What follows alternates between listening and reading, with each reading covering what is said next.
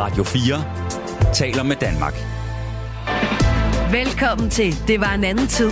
Din vært er Anders Hagen. Jeg hedder Anders Hagen, og jeg elsker Danmarks historien. Siden jeg var en lille knægt, så er jeg blevet slæbt med på stolte danske slotte, museer proppet med kronjuveler og kanoner, og så også imponerende smukke danske kirker. Men det er som om, at der er et par kapitler i den nye Danmarks historie, som meget få af os faktisk kender til. Og det skal vi lave om på. Jeg har fundet ni fortællinger fra den nye Danmarks historie, som har det til fælles, at du vil tabe kæben over, at det er sket. For så få år siden. Hold da kæft, jamen det er jo rigtigt nok. Det var jo sådan, at øh, overgrebslitteratur, at det var tilladt i Danmark i 11 år. På et tidspunkt i 1870'erne, der går det lidt sløjt økonomisk med dyrehandel, og så har han en ven, der siger, kunne det ikke være sjovt, hvis du prøvede at importere nogle mennesker? Og så ude i hver side af scenen, der havde vi sådan nogle kvinder og mænd, som legede med sig selv, med både dildoer og jeg ved ikke hvad. Hele den periode, hvor, hvor øhm, sterilisationer og kastrationer finder sted, der er der vel 13.000 i Danmark og over halvdelen i åndssvagforsorgen. Det er jo dem, der er lige på normalitetsgrænsen. Det er dem, der kan gå i byen, finde en, kvinde og, og få nogle børn. Ikke? Og det er, dem, man er, det er deres arvemasse, man er skrækslagende for. Du lytter til Det var en anden tid. Du lytter til Radio 4. Efter noget tilløb, så blev vi enige om, at den unge, døende patient gerne ville have, at jeg kontaktede familien. Så jeg ringede til hans far. Faren vidste jo godt, at han havde en søn, men han fortalte mig også, at han havde lagt sønnen bag sig flere år tilbage. Der blev lidt stille i telefonen, og så sagde jeg, hør nu, jeg ved godt, der har været alt muligt mellem jer, og I har det svært med den måde, han lever på, men din søn, han er altså ved at dø. Hvis jeg var jer, så tror jeg, at det allerbedste ville være, hvis I kunne rejse herover til København. Så kunne jeg tale med jer om hans sygdom, enten alene eller sammen med jeres søn. Tiden render ud. Forældrene, særligt faren, havde aldrig accepteret, at sønnen havde sex med mænd og havde afbrudt forbindelsen år tilbage. Men samme aften så steg det ældre ægtepar altså ud af bilen i parkeringskælderen under det flade hospital på den københavnske Vestegn. Må vi røre ham? spurgte moren. Ja, det må I gerne, svarede jeg. I må også gerne give ham et knus, kysse ham på kinden og holde ham i hånden. De gik stille ind på stuen. Ingen sagde noget. De virkede kajtet over for hinanden, og hverken rørte eller krammede hinanden. Forældrene blev dog i København til søndens død. Velkommen til Det var en anden tid på Radio 4. Det her det er det første afsnit i programrækken, hvor jeg har fundet ni øjeblikke fra den nyere Danmarks historie, som jeg på en eller anden måde synes er overset. Øjeblikke, vi ikke har hørt så meget om i skolen eller måske andre steder, men det er fortællinger, jeg synes, du burde kende. For alle de her kapitler, de har det til fælles, at de fortæller noget om, hvem vi er som danskere, og hvad vi også kommer af. Og jeg har set frem til dagens program, fordi det handler om en glemt pandemi, som skyllede ind over vores grænser for knap 40 år siden. Det du hørte i starten, det var et uddrag fra bogen Vild Virus, hvor dagens fortæller beskriver en scene fra de her meget triste år i 80'erne. Fra en helt gennemsnitsdag, da han stod på arbejdet ude på Hvidovre Hospital, som var en slags ground zero i den her periode, hvor unge, ældre, rige, gamle, rødhårede, mørkhårede danskere bare pludselig dukkede op ude på hospitalet. De havde alle sammen det til fælles, at de var dødssyge. De havde, mange af dem i hvert fald, mærkelige farvede tumorer på deres hud, og så var det altså primært mænd. De var alle sammen smittet med den her nye sygdom, som vi intet kunne stille op imod. Du lytter til Det var en anden tid på Radio 4. Og med i studiet til at fortælle historien om AIDS i Danmark, der har jeg Jens Lundgren. Velkommen ind for. Tusind tak. Du øh, er i studiet, fordi du var i frontlinjen, det må vi jo sige, i 80'ernes HIV- og AIDS-kamp på hospitaler, men altså også på forskningsinstitutioner. Du er til daglig professor ved infektionsmedicin på Rigshospitalet, og så ved du en hulens masse om smitsomme vira, som vi jo lært, det hedder det under corona, ikke virus, vira i flertal. Og det er HIV jo også en del af. Hvornår hørte du egentlig første gang om den her sådan nye, smitsomme og dødelige virus? Ja, det hørte jeg, da øh, jeg var jo lægestuderende fra 1980, øh, og begyndte at høre lidt, og så blev det rigtig diskuteret i 82 og 83, fordi øh, i 83 fandt man jo årsagen til AIDS, altså HIV, altså det var virus, øh, og det var jo super spændende for sådan nogle lægestuderende, og, og også de læger, som vi omgik, var jo virkelig interesseret i det her. Øh, så, så det var der, hvor jeg hørte om det første gang. Kan du huske, hvad du sådan tænkte, da der lige pludselig er sådan en ny dødelig virus, som ingen af os rigtig kender noget til? Altså, det, det jeg tænkte primært, det var, det her, det, jeg, jeg, bliver, jeg er meget nysgerrig, når jeg hører noget, som der ikke rigtig er nogen, som der forstår. Det synes jeg er vildt spændende, og det har jo sådan set forfulgt mig ever since. Så. Men du var ikke bange? Altså, du var ikke sådan tænkt, åh, oh, vi kan alle sammen dø af det her, det her, det bliver civilisationens undergang? Nej, altså, fordi det, det var jo klart, at det var jo ikke det var jo ikke problemstillingen. Øh, altså, det, og det var noget med, at vi fandt ud af smittekilder og smittevarer, alt det, som vi også var igennem omkring pandemien. Altså, der var nogle ting, hvor man skulle være agtpågivende, øh, men almindelig social omgang, altså faktisk modsat øh, covid, ikke? Altså, så, hvor du, hvis du var tæt på hinanden, bare fysisk, så kunne du godt blive smittet, men det kunne du ikke med HIV. Der skal du gøre noget ekstra. Altså, der skal du altså ikke med vedkommende, eller at du får øh, blod fra vedkommende øh, i ikke på huden, fordi så bliver du ikke smittet, men hvis du så selv har et øh, stort sår, så kan du blive smittet.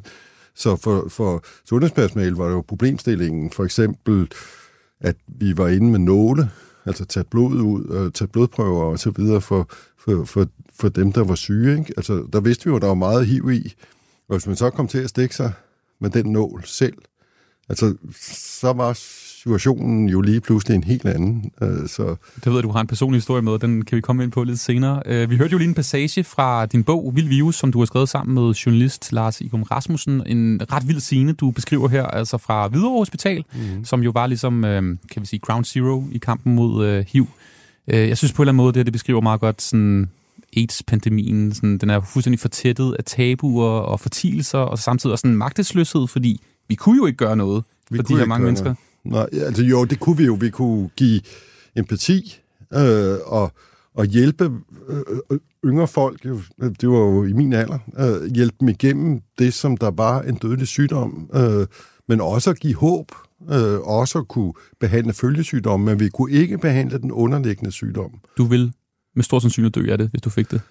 Ja, så det var et crash course i, hvordan man håndterer en, en dødelig sygdom blandt yngre mennesker, ældre folk, tror jeg, er, er mere vendet ind til den tanke, at de skal dø. Det er øh, naturligt nok, men øh, så ja, det var en svær proces. Og den her øh, pandemi, altså HIV, det er på mange måder sådan livsdefinerende for dig. Ikke nok med, at du har stået derinde som ung øh, læge, men du har altså også øh, det på en eller anden måde også påvirket dit liv i forhold til, at det er det, du ligesom kommer til at beskæftige dig med efterfølgende, og også i dit eget personlige liv, fordi du jo faktisk flytter til USA med din kone, som du også møder på det her tidspunkt i 80'erne, og du flytter til øh, Maryland, altså lige uden for Washington D.C., hvor du bliver en del af det, der hedder National Institute of Health, som er sådan et sted, hvor man skal være, hvis man skal forske i HIV. Ikke? Øh, hvad betyder HIV-AIDS for dig egentlig?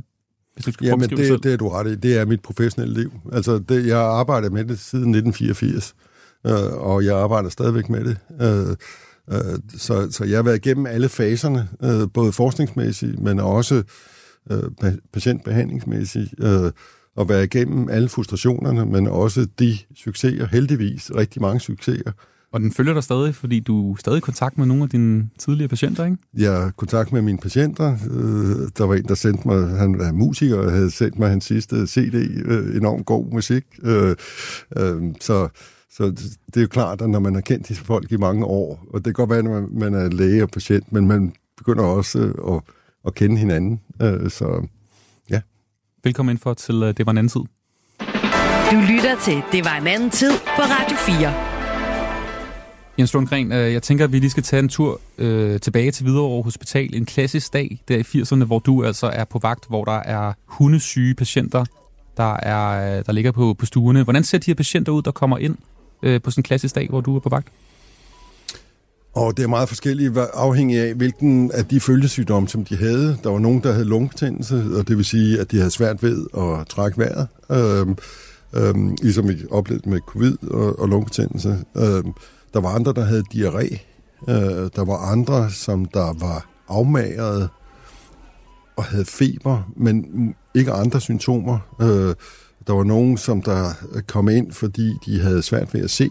Øh, der var andre, som der kom ind, fordi øh, deres arme eller deres ben lige pludselig ikke fungerede, som de skulle, øh, fordi der var en eller anden infektion oppe i hjernen, øh, øh, som der gjorde, øh, at, at de havde de symptomer. Så det var meget, meget forskelligt, hvad folk de var syge af. Øh, men en ting var fælles, øh, det var, at øh, de var alvorligt syge. Og hvordan ser sådan en typisk patient ud, som når du går ind og kigger på, på afdelingen, du går syg øh, lægegang? Der, hvordan ser de ud? Ja, det kommer så an på, hvilket, hvilken følgesygdom de præcist har, men, men, men altså, der var nogen, som der var svært ved at få vejret, som sagt. Øh, men den sådan ultimative AIDS-patient på det tidspunkt, hvor vi ikke havde noget behandling af den underliggende sygdom, det var typisk en patient, som der havde tabt sig, måske 20 kilo, øh, og, og som derfor var meget indsmalnet i ansigtet, øh, og som der havde haft gentagende betændelser af øjnene, og derfor var blind, øh, eller i hvert fald på vej til at være det. Øh, og som der også, øh, fordi de har haft infektioner i hjernen, øh, også havde svære og svære ved at udtrykke sig. Øh, øh det var sådan, de kunne ikke snakke simpelthen? Altså, det, det, deres kognitive funktion var blevet dårligere, øh, øh, så, så, så det var sådan mere langvarig proces til død for et patient for nogen, og andre de døde så, fordi de simpelthen ikke kunne få vejret. Øhm, ja. Skrækkeligt. Og er det, det, er, er, har vi at gøre med primært mænd her i 80'erne, da du... Øh, det var primært mænd, men, men der var bestemt også kvinder. Altså, fordi det viser jo, at øh, det var jo ikke kun bøsser. Det var jo, altså, det var bare en stereotyp. Det var bare uheldige omstændigheder, der gjorde i Vesten, at det var bøsser. Altså, globalt set, og det er stadigvæk sådan, øh, at der er jo en 50-50 chance. Øh, altså, mand-kvinde, ratioen er en til en, ikke? Øh, så, øh, men det var bare i Vesten, at det var bøsser øh, af nogle grunde, som der var helt specifikke for det, som der forklarer det. Øh, øh, men i Danmark var der jo også øh, hemofilipatienter. Altså, der var en stor problem tilbage i 80'erne med de blodprodukter, som hemofilipatienter fik. Altså folk, der bløder, blødersygdomme? Blødersygdomme, som, som var smittet med HIV. Øh, og derfor var der mange øh, af bløderne, som der blev smittet, øh, øh desværre, der i begyndelsen af 80'erne, hvor man var helt, før man var helt skarp på at være sikker på, at de produkter, man gav til folk, at de ikke indeholdt HIV. Øh, det samme med folk, som der fik blodtransfusioner. Øh, så, så der var også øh, andre end bøsser bestemt, og også kvinder, øh, som der var smittet. Der var også et problem jo, øh, altså fordi det er en seksuel overført sygdom, at, øh, at kvinder, som der var meget seksuelt aktive, altså prostituerede, stofmisbrugere for eksempel, var en anden patientgruppe, som også blev smittet relativt tidligt. Mm. Og hvordan ser du ud, når du går stuegang? Måske især i den, i den første periode. Altså, har du værnemidler på? Har du masker og rumdragt? Nej, hvorfor? Overhovedet ikke. Var bare I ret hurtigt til at finde ud af, at det her det er ikke en, en sygdom, som spreder sig i altså aerosoler, som luft og den slags. Var, var, var I meget sikre på det med det samme? Ja, det var vi. Altså, fordi det var, det var klart, det var et spørgsmål, som, som alle var enige om, som der behandlede HIV-patienter og AIDS-patienter at det skulle vi simpelthen have fuldstændig styr på. Øh, og derfor blev der jo lavet øh, meget, meget tidligt, øh, efter at de første AIDS-patienter blev identificeret, lavet studier af sundhedspersonale. Hvem var der, var der, hvad var der af risikofaktorer for, at personalet blev smittet? Og der viste det sig meget hurtigt, også fordi vi fik en forståelse af, hvordan virus var, og hvordan smittevejene var, at at folk de ikke udskiller virus øh, gennem næsen, øh, ligesom med covid, ikke? Altså, som, hvor det var problemet. Så du oplevede slet ikke blandt dine kollegaer, at der var nogen, der var bange eller angst omkring det der med at være i nærheden af, af, af HIV-smittet? Fordi samtidig i samme periode i Danmark, der var der jo meget snak om mennesker, der ikke ville dele toiletbræt og ikke ville gå i svømmehallen med, med HIV-smittet. Var der slet ikke det på, på hospitalerne? Nej, der var ikke på den afdeling, hvor vi arbejdede, fordi vi var jo sådan set alle sammen øh, villige til at arbejde på den afdeling, og derfor havde søgt stillinger, fordi vi godt ville arbejde med den her øh, gruppe af patienter. Men jeg kan da huske, at vi havde da øh, virkelig store problemer med at overtale vores kollegaer til at hjælpe os med sådan at lave øh, undersøgelser. Så vi, vi lærte jo øh, undervejs der i 80'erne, at det var faktisk ret svært, fordi der var også en vis øh, modholdenhed for at tage imod øh, en AIDS-patient. Så derfor lærte vi at gøre det selv, så for eksempel at undersøge lungerne, øh, som der ellers var noget, som lungelægerne plejer at gøre. Fordi der simpelthen var nogle af de specialister, de der plejer at gøre det, de vil ikke have noget med det at gøre, eller hvordan? Det, det var i hvert fald mere besværligt, øh, end det normalt plejer at være. Så, Så, altså, så, Det er da så, vildt at tænke tilbage på, var? Ja, men, men det er jo... Det, men, men det, hvis man tænker til op nu til covid, der, altså indtil at vi ligesom havde styr på, øh, hvordan øh, videnskaben er omkring smitte, ikke? Øh, så opbygger der sig jo rigtig mange forskellige øh, tanker og bekymringer, øh, og specielt hvad angår smitsomme sygdomme, og det kan man se helt tilbage i historien, øh, har samfundet altid været meget bange, øh, måske også irrationelt bange, øh, Øh, når man kom for tæt på folk, som der var havde en smitsom sygdom. Tænk på bilen med spedalskhed, ikke? Altså, man sendte jo folk ud i en... Dem man vil overhovedet ikke have ind i byen, ikke? Altså, så det har jo præget historien, øh, pest, også i middelalderen. Øh, altså, så det at, at have en smitsom sygdom har altid genereret et eller andet niveau af irrationel frygt, øh, øh, som der så kommer over i øh, øh, væk. Mm. væk fra mig. Jeg skal ikke være i nærheden af dig, fordi jeg ved ikke, hvad der kommer til at ske. Det er jo krybdyrshjernen, der tager over, kan man sige, ikke? At vi, den der Ja. flugt. Ja, Men det er vel men, heller ikke- men, men, det- og den eneste måde, man kan overkomme det på, det er, du ved, god videnskab, øh, og så stille og roligt forklare det. Øh, og selvfølgelig bruge det selv som et godt eksempel, øh, men så også begynde at forklare det. Det er jo også lykkedes, altså, så, så, så, så, så, så på den måde er, er det jo en helt anden situation nu, ikke? Øh, Men du spurgte mig til begyndelsen af 80'erne, der, der, var der, der var der en stor bekymring. Ja. På, på mange måder jo også forståeligt menneskeligt, fordi det er en helt ny sygdom, der lige pludselig kommer ind ad døren, hvor Ja. du står og kigger på nogle patienter, der, der, der er virkelig sy- syge, ikke? Der virkelig er syge med et eller andet, som vi ved er smitsom, fordi, og som de kan potentielt set smitte videre under de mest uheldige omstændigheder. Så, så, så det, det var jo en reel øh, problematik. Øh, så, øh, men altså, der, der, Der må man stå på videnskaben. ja, det lærer man så også på den hårde måde her, ikke? fordi du bliver nødt til at, at føle dig tryg og komfortabel i at gå på arbejde. Ikke? Altså, det bliver du simpelthen nødt til. Jeg havde øh, lige fået små børn og så videre. Jeg bliver nødt til at føle, at det her, det er ikke en trussel mod mit helbred at gå på arbejde. Ikke? Ellers tror jeg ikke, man kan fungere. Øh, så du bliver også nødt til at ligesom sige, at det er på den her måde her. Øh, og så selvfølgelig være åben omkring det og få snakket om en bekymring. Og, og så var der jo altså situationer undervejs, når man arbejdede, øh, hvor man kom i nærkontakt med, med blod for, for, for, for, fra patienterne. Ikke? Så der var en eller anden form for risici, og det var der jo også en, en helt særlig dag med Det var dig, ikke? hvor du øh, også kom i nærkontakt med, Ja, jeg kom øh, til at stikke mig. med en... kanyle, hvor der var blod inde i midten, øh, øh, og, og hvor...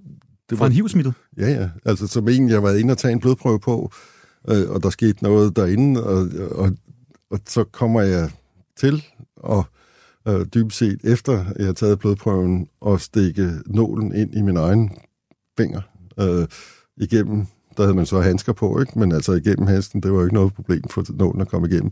Og så kan man så se, at blodet kommer ud der, ikke? så man ved, at den her, at det vil ikke være et problem, så længe at det var bare var blod på huden. Det ville jeg bare gå over og spritte af, og det ville ikke være noget problem. Men jeg vidste, nu havde min hud blevet penetreret, øh, og derfor, og der var blod ind i, og, det var beskrevet, at det kunne øh, resultere i, at man faktisk blev smittet, så, og men risikoen var lav. Øh, men, men trods alt, Og patienten så det også. patienten så det jo også, og var jo godt klar over det. Ikke? Altså, øh, at her var der en situation, hvor at jeg også blev lidt ude af fatningen. Ikke? Mm. Altså, så. Og hvad endte det så med? For der gik jo et godt stykke tid, ikke, før du fik Ja, det endte jo så med, at jeg ikke blev smittet heldigvis. Øh, så, øh, men det er selvfølgelig klart, at det giver jo noget, noget uro, noget personlig uro og noget familiemæssig uro for den sags skyld, indtil den sag den ligesom er afklaret. Du lytter til Det var en anden tid på Radio 4. Det er altså Jens Lundgren, der er i studiet. Vi snakker om AIDS pandemien, som jo øh, skyllede ind over Danmarks grænser i starten af 80'erne. Faktisk som en af de lande, som, øh, kan man vel godt kalde det, frontrunners på det område. Altså, det var et af de lande, hvor der var stor smitte til at starte med, måske også på grund af miljøerne var så godt integreret med det, der skete, skete over i USA, hvor det altså stak af til at starte med. Jens, jeg kunne godt tænke mig at høre bare lidt til at sådan helt konkret omkring HIV, som så udvikler sig til AIDS. Altså, øh, hvordan bliver man smittet med HIV? Altså, den, den helt øh, langt hovedparten af folk, der er smittet med HIV, er smittet ved almindelig heteroseksuel smitte. Øh, og, og hvor kvinden kan smitte manden, eller manden kan smitte kvinden. Øh, og kvinden bliver smittet øh, ved, øh, at der kommer øh, sæd ind i hendes vagina, mm. øh, og manden bliver smittet, øh, hvis han ikke allerede er, øh, ved at øh, HIV trænger ind øh, faktisk igennem forhuden, øh, øh, og trænger ind og smitter vedkommende. Risikoen er lav, altså per samleje er risikoen for at blive smittet, hvis den ene er positiv, den anden er negativ, og den, der er positiv ikke på behandling, er i størrelsesorden 0,3 procent. Så, så det er ikke første gang, du er sammen med en, at du bliver smittet, men, men der er så en, en vis risiko øh, for det, som der så, hvis du så er analsex, så øges den risiko en 3-4 gange omkring 1-2 procent. På grund af rifter og blod og den slags? Og så kan du, hvis du så har et, øh, et, et kønssygdom også, som der har lederet din slimhinde, så øges din risiko også. Øh, så det, det er den helt... Øh, normale måde at blive smittet med HIV, og der er jo mange mennesker, som der går i seng med hinanden, så der er jo rigtig mange, som sådan set udsætter sig for potentielt set for det her. Ikke? Altså, så, så det er jo en helt normal måde af vores måde at leve på, som der gør, at HIV stadigvæk har mulighed for at smitte videre. Øh, og så er der så, altså ud over det, øh, er der jo så øh, stofmisbrugerne, øh, som er en klar risikogruppe, og hvor de jo i sagens natur øh, bryder hudens barriere øh, ved at sprøjte øh, ting ind i, i blodårene. Øhm, og hvis de så deler kanyler med hinanden, øh, hvad der så har været blevet gjort rigtig meget. Der er et meget berømt udbrud i Kaliningrad faktisk, som der overhovedet ikke havde nogen HIV-positive, og hvor man så kommer ind øh, i en weekend og laver et stort øh, fest, øh, og hvor man så deler øh, nåle med hinanden, og, og efter den weekend er 400 er smittet. Og så er det også en drills sygdom, fordi modsat, vi kan jo ikke lade være med at sammenligne med, med corona og covid, men det er jo fordi, at du kan have sygdommen uden at vide i mange år, at du er syg. Du får typisk en eller anden form for influenza, noget, noget, noget, udslættet noget influenza efter et par uger. Efter måske, du har, måske, ja. Måske, ja. Og så kan du gå med det i 10 år, ja. uden at have nogen symptomer, hvor du kan... Jeg er sund og rask, jeg har selvfølgelig har jeg da ikke HIV, og smitte en masse mennesker. Nej, præcis. Og så kommer... Og uden, uden jo at ville det, men ja. så på et eller andet tidspunkt finder du så ud af, at du har gjort det. Ikke? Altså det skaber... Det kan, kan, du, jo. kan du forestille dig de konflikter, der opstår blandt dem, du har, du, du har elsker, ikke? Altså, øh, så...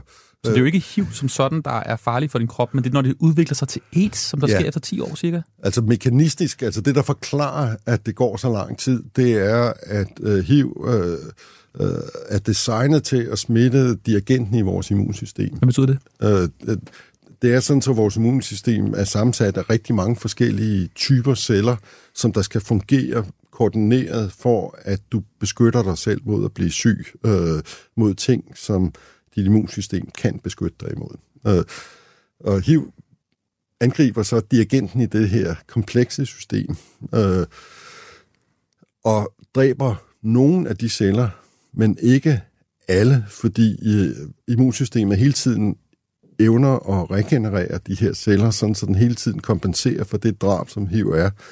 Øh, men, men det er en talk of war øh, mellem HIV og immunsystemets evne til at regenerere sig selv, som immunsystemet på et eller andet tidspunkt taber, øh, mm. fordi det bliver udmattet.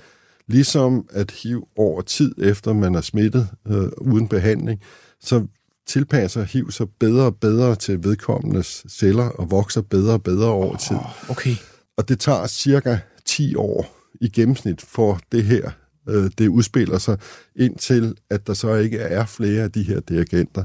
Og så opstår problemerne, øh, fordi de dirigenter, de er afgørende for at beskytte os mod en række forskellige sygdomme i størrelseorden 30-40 forskellige typer infektioner, som der så, fordi de mangler de her dirigenter, så begynder at dukke op. Ja. Øh, men hvor den enkelte person typisk får en eller to, øh, fordi det er dem, man er udsat for, mens andre øh, de får en anden type. Så for eksempel i Afrika er tuberkulose en meget hyppig årsag til, at du får AIDS, altså du bliver syg af din HIV. Hvor, men det er til gengæld relativt sjældent i Danmark, fordi vi har meget let til tuberkulose i Danmark, men der er så andre øh, sygdomme, som, som er de hyppige. Og så når de HIV-inficerede så får AIDS, så bliver det til gengæld også bare meget tydeligt, at de her mennesker er syge. Nogle af de mennesker, som du også snakker om, når ja. de kommer ind på Hvidovre Hospital, som du ja. nævnte i starten. Og så er der også den her sjældne kraftsygdom, som også viser Ja, sig det her? Det, Kaposi-sarkom, altså det er sådan nogle violette knuder, som der starter i huden, øh, og som der så, øh, hvis vi ikke kan behandle den underliggende sygdom, så begynder at gå ind i lymfeknuderne, og ind i lungerne, og ind i mavetarmsystemet. som, og det var de lunger, som du undersøgte mange gange. Ja, øh, faktisk forårsaget af en herpesvirus, øh, human herpesvirus nummer 8 er årsagen til det, som der specielt smitter øh, i øh, ved analsex, og derfor ses, derfor ses Kaposi langt oftere hos homoseksuelle mænd end heteroseksuelle. Og det er virkelig en sygdom, som Ja, forestiller den, den, den, den er virkelig ubehagelig, fordi det er sådan hvad sker der noget, til sidst i livet der, hvis du har den sygdom? Jamen, det er fordi, den, altså, det var så en situation, hvor vi ikke kunne behandle den underliggende sygdom. Det er jo vigtigt at understrege. for Den, I dag er den en helt anden situation. Der, der er Kaposi en ufarlig sygdom, fordi, men, men på det tidspunkt, hvor ikke, vi ikke kunne korrigere den her immunsvækkelse øh, af kroppen, så havde Kaposi, når den først begyndte, havde præstalt frit spil. Man kunne prøve at give noget kemoterapi. Det virkede nogle uger til måneder, men så kom øh, Kaposi tilbage. Og så vokser den så ind og skaber øh, blokering af løften, sådan så benene kan hæve op. Eller den vokser ned i lungerne, øh, hvor den så langsomt, fordi det er en langsomt voksende øh, cancerform, øh, mere og mere fylder lungerne op, sådan så den, deres normale funktion ved at udveksle ild, den blev mere og mere kompromitteret. Så, så det var virkelig en ubehagelig død øh, på det tidspunkt. Du, Fordi, du drukner. Ja, du drukner ikke, men, men du kan simpelthen ikke få vejret. Altså, du, du prøver at trække vejret hurtigere og hurtigere, men der kommer ikke nok ilt ud. Øh, og på et eller andet tidspunkt, øh, altså, så er det ikke forenligt med, at øh, du kan blive ved med at leve. Så det var, det var det, det, de forløb husker jeg meget tydeligt. Og Jens, uden at gå i detaljer, men du har vel stået ved mange patienters sidste Det har jeg. timer i lige præcis den Ja. type Ja. øh, sygdom der. Hvordan, altså, hvordan har det været at stå i det? Fordi jeg forestiller mig, det må da have været utroligt Men det var, det, ja, det, det, var, det var ikke rart. Men, men det var fordi, jeg jo, dels var jeg så meget fokuseret, så det, jeg var ligesom ham, som der tog den form for sygdom, fordi det var noget, jeg interesserede mig for. Øh, så derfor lærte jeg jo mange af dem at kende, og jeg, det var ikke, fordi jeg kun lærte dem lige de sidste par timer. Det var jo folk, jeg havde kendt i månedsvis, ikke? og havde undersøgt deres lunger og frem og tilbage. Øh, så det var folk, som jeg kendte øh, rigtig godt, og hvor vi ligesom havde arbejdet de her ting igennem, og havde snakket de her ting igennem. Og der var selvfølgelig også rygter i miljøet øh, om, okay, hvis du har Kaposi, okay, den ene lungerne, det er ikke en god nyhed, det her, ikke? Øh, så det var jo noget, vi skulle også, altså, vi skulle også kunne snakke om, ikke? Øh, øh, fordi, som sagt, på det tidspunkt var der kun én vej, øh, når man først havde det. Så, så, det, det, så meget med også, hvordan tænker vedkommende, at den sidste tid bliver, og hvad kan jeg gøre for at lindre det? Det var et emne, vi brugte ret meget tid på. Og det var så måske typisk ved brug af morfin. Ja, morfin vil være en ting, der kunne være andre ting også, men, men, men det er klart, at vi blev nødt til at i talesætte, at, at det vil være noget af det, som der kunne komme på tale, øh, fordi at det lindrer den, øh, altså, jeg kan bare sige nu, fordi jeg har set det så mange gange, at, at det, det, det er noget af det værste, at du, du kan, det er over tid, altså det er ikke over minutter, men det er over dage og uger, at du kan mærke, at du har sværere og sværere ved at få vejret. Du bliver mere og mere kortåndet, også når du ligger ned. Øh, og du oplever så den her øh, nærmest desperation af, at du ikke kan få nok luft ind. Øh, jeg tror, jeg har mødt det også hos øh, folk med, med lungekræft, for eksempel, som i deres sidste, at de oplever, at de kan simpelthen at de, de har kronisk åndenød, og, og det er enormt ubehageligt for dem selv, øh, øh, sådan, og kan skabe altså sådan en panik også at vågne op. For jeg kan simpelthen ikke få vejret, ikke? Øh, så ja. En af dem, som oplever HIV og AIDS tæt på kroppen her i starten af 80'erne, det er skuespiller Morten Kirkskov. I den her periode, der er han en ung mand, som er ved at finde fodfæste i livet og også i sin identitet som homoseksuel. Men en dag, der bliver han kaldt til undersøgelse, fordi der dukker dødssyge folk op på hospitalerne. Problemet er bare, at lægerne stadigvæk ikke her i starten af 80'erne ved, hvad det er for en sygdom, som de har at gøre med, og derfor heller ikke rigtig ved, hvad det er, de skal teste efter. Og så kan jeg huske nogle meget ubehagelige øh, testsituationer på Marcelsborg Hospital. Og ubehageligt på den måde, at lægerne og sygeplejerskerne, der stod for det, var jo søde nok, men de vidste jo ikke, hvad de havde med at gøre.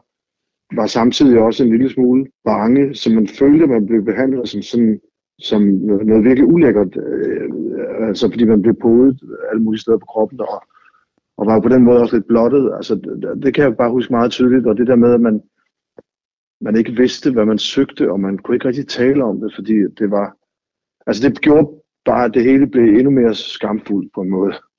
Og, og, og ja, altså, jeg, jeg synes, det var svært, fordi jeg, jeg var jo ikke fyldt 20 endnu, og jeg var jo, var jo sådan, Øh, altså hvad kan man sige, dengang og måske stadigvæk, var det jo alligevel forbundet med en vis form for sådan, altså alt hvad der havde med sex at gøre og seksualitet, var jo forbundet med en eller anden form for skyld og skam. Og så, så kom det der oveni, og det, og det, det gjorde bare efterfølgende også, at jeg i hvert fald lukkede ned for den del af mit liv, mere eller mindre.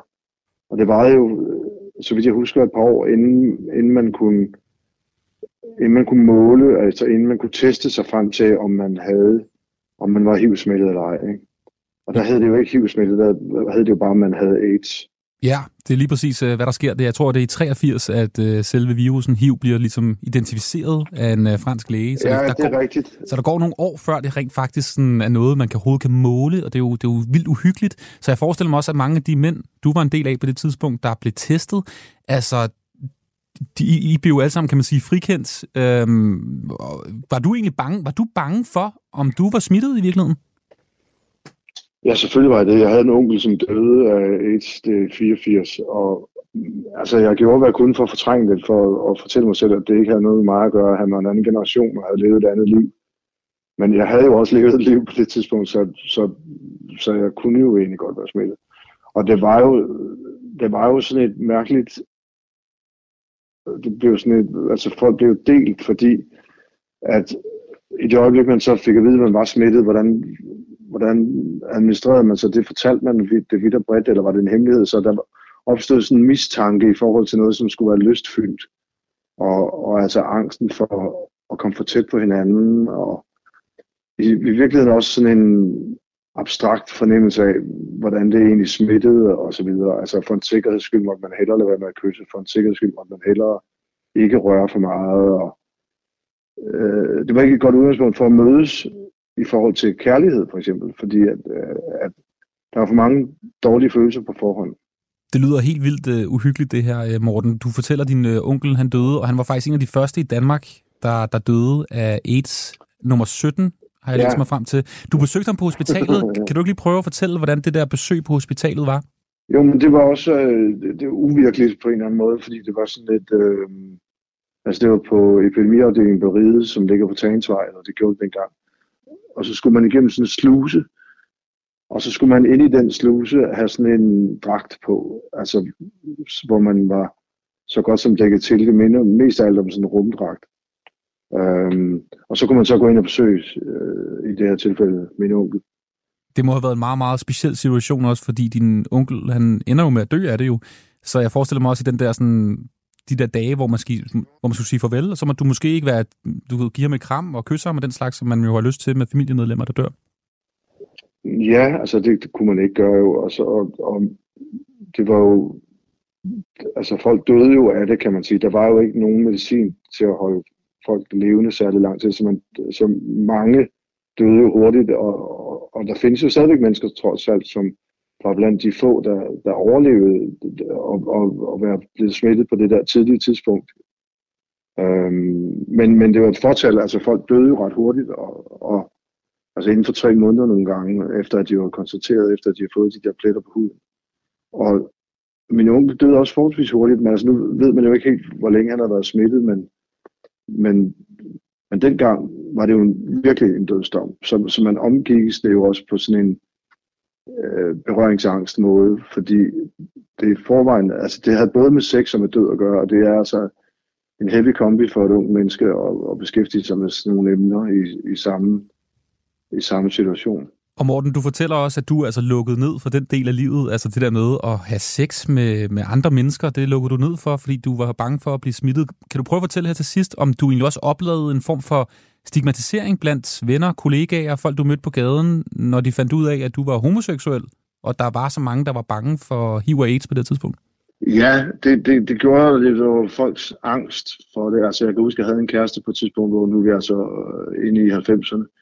Men stadigvæk, jeg havde en kæreste på et tidspunkt, som, øh, som folk troede var HIV-smittet, øh, men som ikke var det. Men, og derfor havde de sådan, derfor var de bekymrede for, for mig. Altså, nogle af mine kolleger var bekymrede for mig, og, og talte om det, og sådan, jamen, det er også noget værre med Morten, og han skal også passe på, at han er sammen med ham der, og sådan noget.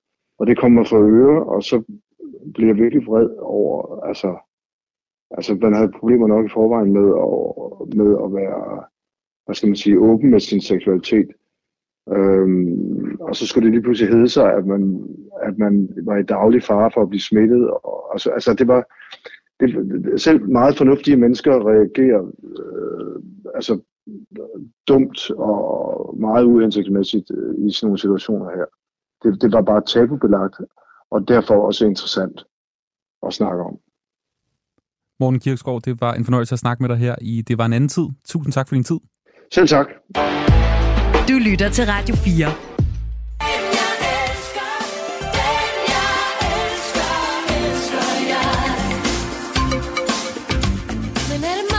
Og det her, det er Søsvinger og Thomas Helmi, selvfølgelig med Den Jeg Elsker, et nummer, som de fleste af os nok har danset til på et eller andet tidspunkt, og som måske den nye generation, mig, faktisk ikke ved, er en sang, der er lavet i forbindelse med HIV-AIDS-kampagnen i slutningen af 80'erne, i forbindelse med AIDS-fondets oprettelse.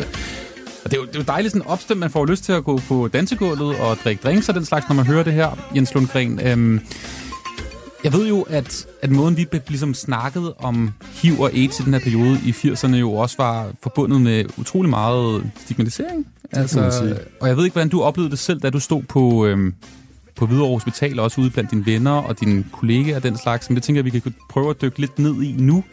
Øhm, fordi under corona, der var der jo konstant snak. Du var jo selv i fjerneren hele tiden med smittetal og hvad, hvad siger indlæggelsestallet, øh, alt det her, der blev sat store testtelte op og den slags. Men sådan var det jo ikke under AIDS-pandemien øh, overhovedet. Det var en verdensomspændende dødelig sygdom, som havde, altså hvis du fik AIDS, hvis det udviklede sig så langt, så var der så stor sandsynlighed for, at du faktisk døde, ikke?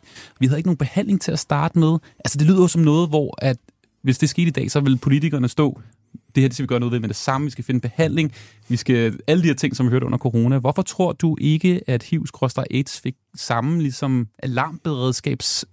Øh, ligesom, hvorfor blev det ikke sat i gang på samme måde, som vi så her under corona? Ja, fordi corona kunne påvirke alle. Alle var i risiko. Øh, hvorimod HIV, som sagt, øh, der skulle du gøre noget specielt, og det var kun i nogle miljøer. Øh, og derfor blev det en anden diskussion. Øh, og, og og hvor jeg jo, øh, og nu nævner du AIDS-fondet, øh, at, men at der var virkelig behov for, øh, ikke for os, som der var forskere og læger, øh, men, men øh, patientmiljøet øh, blev jo virkelig advokater og, og, og påpegede, at det her, det var noget, som man skulle tage alvorligt. Øh, så der var en dynamik helt tilbage fra 80'erne mellem forsker læger på den ene side, øh, og patienter og deres øh, interesseorganisationer. Øh, Hemofoniforeningen, altså Blodforeningen, var også meget, meget vokal omkring at få råbt politikerne op, fordi det kom ikke lige så hurtigt, som vi har oplevet det under, under covid.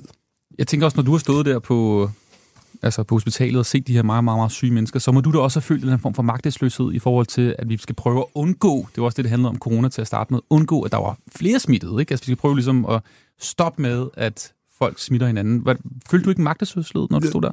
Jo, men, men jo, blandt andet, nu er det jo to vidt, vidt forskellige sygdomme, vi snakker om, ikke? Fordi øh, covid tager 14 dage, så er du enten øh, groft, groft talt enten død, eller, eller også er du helt rask. Ikke? Altså, mm. Du kan have noget følelsesygdom, men det, det er noget, der udspiller sig over relativt kort tid, og hvor det immunsystem evner at nedkæmpe infektionen. Hvorimod ved HIV øh, kan immunsystemet ikke nedkæmpe infektionen, og derfor bliver infektionen kronisk øh, og præger folks liv resten af deres liv. Øh, øh, og hvor, hvis man ikke gør noget, øh, at folk de så udvikler de her dødelige sygdomme. Så det, det er jo to meget, meget forskellige ting. Så det, det hele, det sker Altså, HIV var jo de første mennesker, der blev smittet med HIV omkring 1. verdenskrig. Øh, Øh, og, og, og toppunktet i den pandemi, det blev til, var i slut 90'erne, så det, det er jo sådan et meget langsomt udviklende, men bare hele tiden progredierende mm. øh, problem øh, i de lande, som der ikke har, har evnet at håndtere smittespredningen. Øh, så så det, det, det, det er en helt anden dynamik, øh, og det går meget langsommere, men, men til gengæld er konsekvenserne af at blive smittet, og i hvert fald på det tidspunkt, det er 80'erne og begyndelsen af 90'erne, var jo enorme. Øh, og, men det, som der var problemet blandt andet, var, at, at der var det her, det folk så lært jo mørketallet, altså dem, som der var smittet, og derfor smittefarlige, men som der ikke havde symptomer, og det mørketal var jo relativt stort, mm. øh, fordi folk til at begynde med der, jo kom, når de i slutningen af deres forløb, når de først havde været smittet en del år, øh, men ikke på det tidspunkt, hvor de var raske og rørige og dansede den anden sang og lavede alt, hvad man nu laver, når man er ung og, og frisk. Ikke? Altså, øh, og det var der, hvor smittespredningen den skete. Øh, så, så det, og det vil sige, det, at få, få det ændret, altså få begynde at lave testning og, og identificere folk meget tidligt, gerne på det tidspunkt, hvor de bliver smittet. Det er det, som der er vores aspiration nu, Øh, at du bliver, du bliver testet og fundet, hvis du er smittet, meget tidligt. Det er der, hvor vores bedste muligheder er for at give folk et fuldstændig normalt liv. Altså det, det, det, på den måde har de tanker, vi havde omkring testning, øh, de er jo ud, altså tankerne omkring testning, er det, der blev udviklet omkring HIV, og så er appliceret på covid, øh, men i en anden kontekst. Jeg har et, øh, jeg ved ikke, har du set The Dallas Buyers Club? den her amerikanske film, fordi ja, ja. jeg synes på en eller anden måde, øh, at øh, det er en scene her, hvor hovedpersonen Ron Woodruff, han øh, spillet Matthew McConaughey, han får at vide, at han er HIV-positiv. Og jeg synes på en eller anden måde, det meget godt illustrerer måske, hvordan det var i 80'erne, når du fik den besked øh, fra en læge, at du var HIV-smittet, fordi prøv lige at høre, hvordan han øh, lige øh, vurderer den situation. Tested positive for HIV, uh, which is the virus that causes AIDS. You fucking kidding me? I ain't no faggot, motherfucker. I don't even know no fucking faggot. Look at me. What do you see? Huh? The goddamn rodeo is what you see. I know this can be a very scary thing. I know you're probably feeling overwhelmed right now. But what we would like to do is to impress upon you the gravity of your situation. Based on your health, based on your condition, based on all the evidence we have, we estimate you have 30 days left. Ja, det havde han så ikke. Han havde kun 30 dage. Han endte med at leve mange år endnu. Øhm, men den her... Det var også kort tid. ja, det må man sige 30 dage. Den reaktion her... Og så også bare 30 dage. ja, det er meget præcis. ja, det er meget præcis. Det, sådan ville vi ikke læge. Vi læge ikke. Det ville vi ikke sige. men, men, men, kan du genkende den her sådan, reaktion i forhold til, at man kaldte det bøssepesten, og den var så øhm, fordomsfyldt omkring øhm, ja, for homomiljøet? Ja, ja.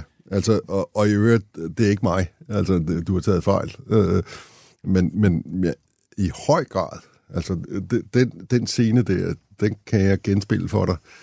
Det her, det er ikke mig. Jeg har ikke været i risiko for det der. Jeg tilhører ikke den gruppe. Altså, det var jo den her bøse stigmatisering, som der virkelig kommer igennem i det klip der. Ikke? Altså, jeg er ikke en bøsse. Du skal ikke komme her og anklage mig for at være bøsse. Ikke? Så den er nok kommet ind på en eller anden måde, men det er jo ikke, fordi du nødvendigvis var bøsse, men hvis, altså, det, det, er jo ikke for, det er jo ikke mærkeligt, at voksne mennesker går i seng med hinanden, så det er på, altså, at prøve ligesom at få det der lidt ud af samtalen for den enkelte, ikke? sådan så de kan leve med det. Øh, men altså, så, jeg, jeg må jo sige, efter mange års erfaring, at øh, folks måde at leve på og have sex på, og hvem man har sex med, og det kan godt være, at man udadtil lever et harmonisk monogamt forhold med en kvinde, men jo måske en gang imellem har noget andet også, og øh, altså der er mange måder at leve sit liv på. Ja. Altså, og jeg forestiller mig, at dengang i start 80'erne, der var det måske, øh, der var der endnu mere sådan præget af, at man tænkte, det ikke var normalt at gøre det på den måde, for eksempel. For nu til dag, så tror jeg ikke, at det er så, så, så mærkeligt igen, eksempelvis af flere forskellige Men det tror jeg faktisk er fordi, at patientorganisationerne var virkelig aktive. Det, det var der, hvor det startede. Altså, hold nu op med at sige, bare fordi, at vi elsker, jeg elsker en anden mand i stedet for en kvinde, at jeg, der er noget mærkeligt med mig. Så, så og, og, og der var kunstnerne nu, du spillede før det her, der var jo mange kunstnere, som der også lavede sange, fordi de var påvirket af det her. Altså Queen, hvis du kender det band, engelsk band, det havde, havde jo også lavet flere sange. Øh. Men han holdt også hemmeligt Freddie Mercury, indtil ja. nærmest en måned før han døde, ikke? Ja, men, men han var meget aktiv i at kommunikere, fordi det, der, der var jo en forskel på at diskutere, ja, jeg er HIV-positiv. Mm. Frem for, prøv nu at høre her, det hjælper ikke noget, at samfundet er bange, øh, fordi vi er bøsser. Der er ikke noget mærkeligt i at være bøsser. Altså, det, det, det er der bare ikke. Øh, alle, det er set i, til alle tider i alle folk, folkeslag. Det kan godt være, at det ikke har været accepteret i alle folkeslag, og det, har, og det er det jo stadigvæk voldsomt stigmatiseret, specielt i nogle mellemøstige lande. Der må man jo ikke være bøsse, men, men, men, men det er der, øh, og de er der, og de lever deres liv.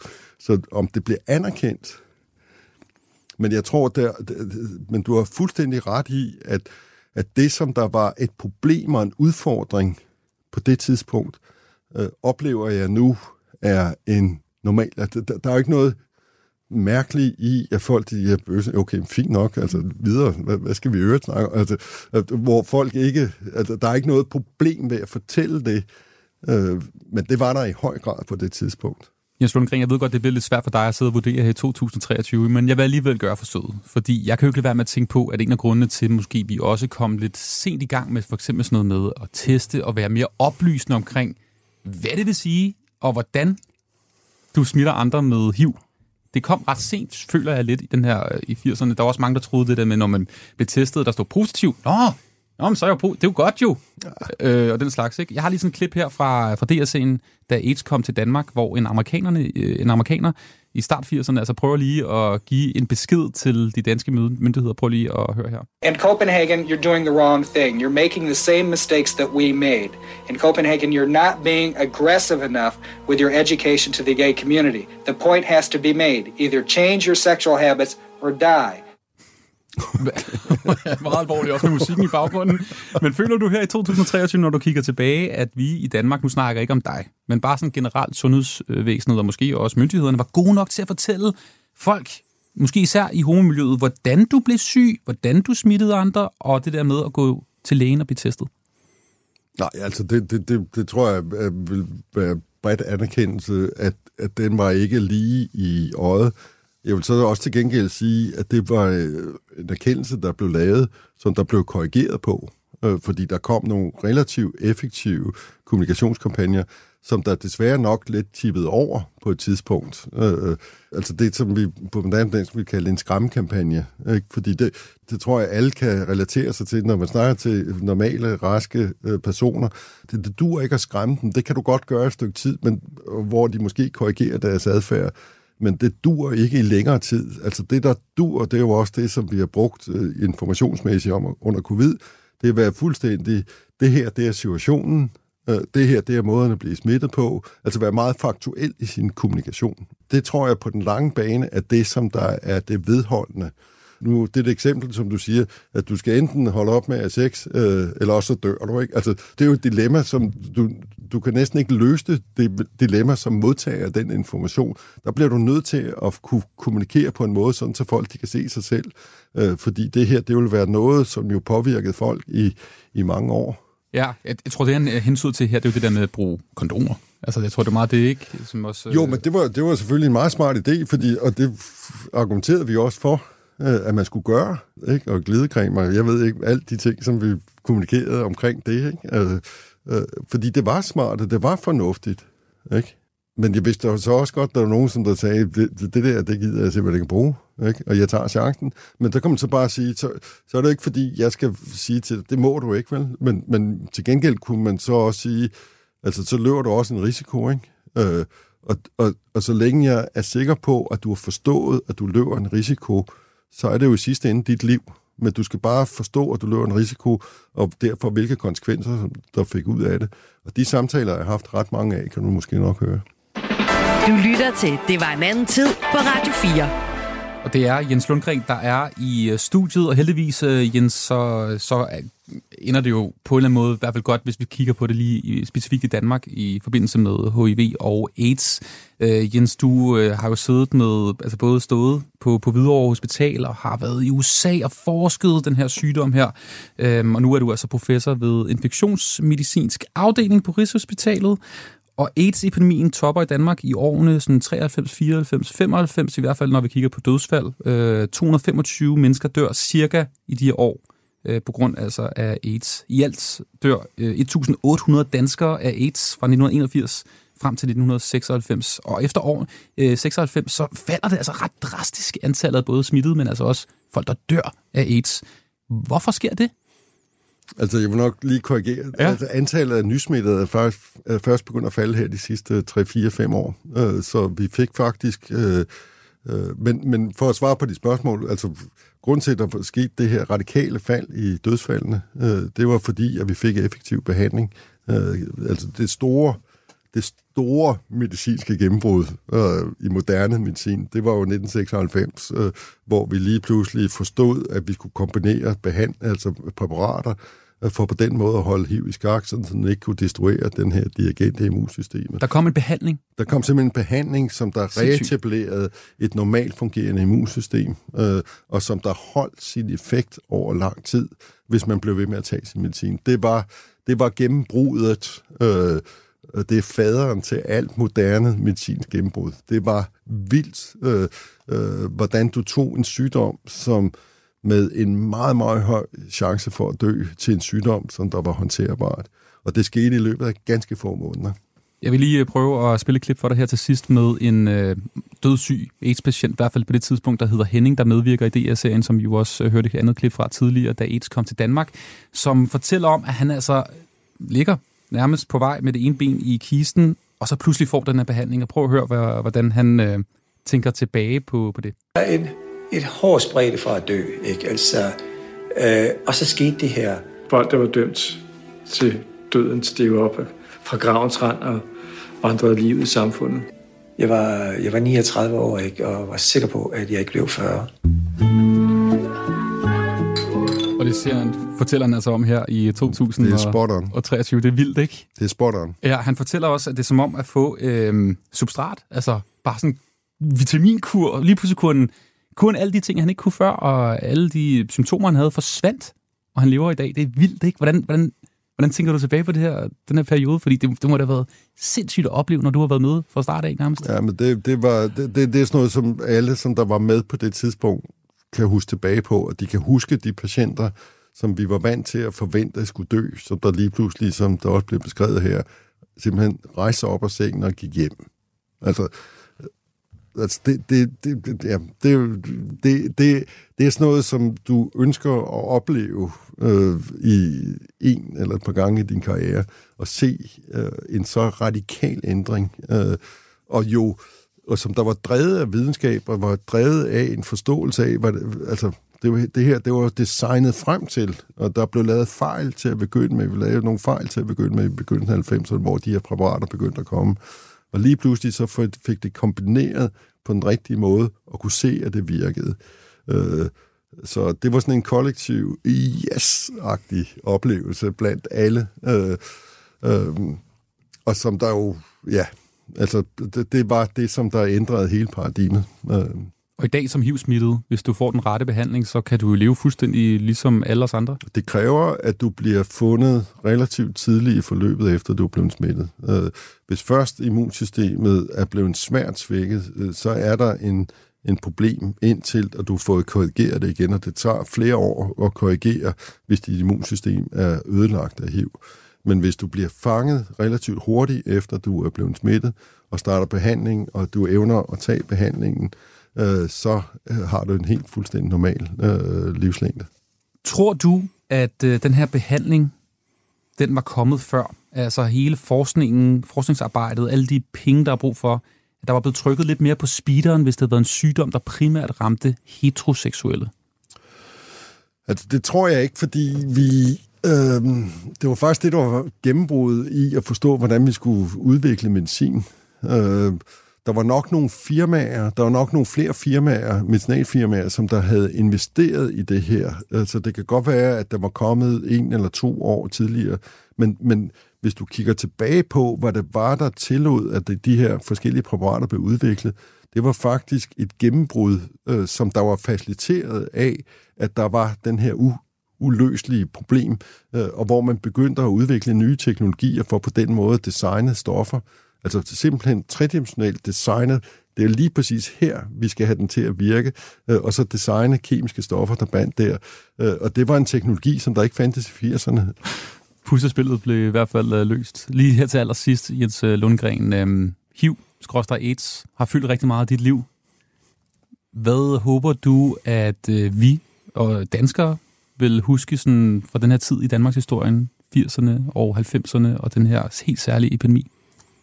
Jeg vil håber, at vi vil huske på, at vi skal være meget respektfuld for, hvad der kan komme fra dyreriet af forskellige ting og sager, og at vi skal agere meget, meget proaktivt, hvis det sker.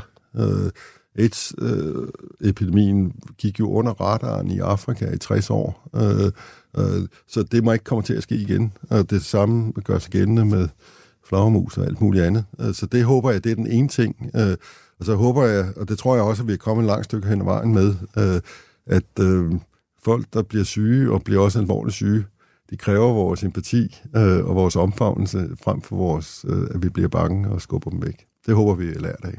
Jens Lundgren, tusind tak, fordi du havde lyst til at være med her i Det var en anden tid, altså professor ved infektionsmedicinsk afdeling på Rigshospitalet.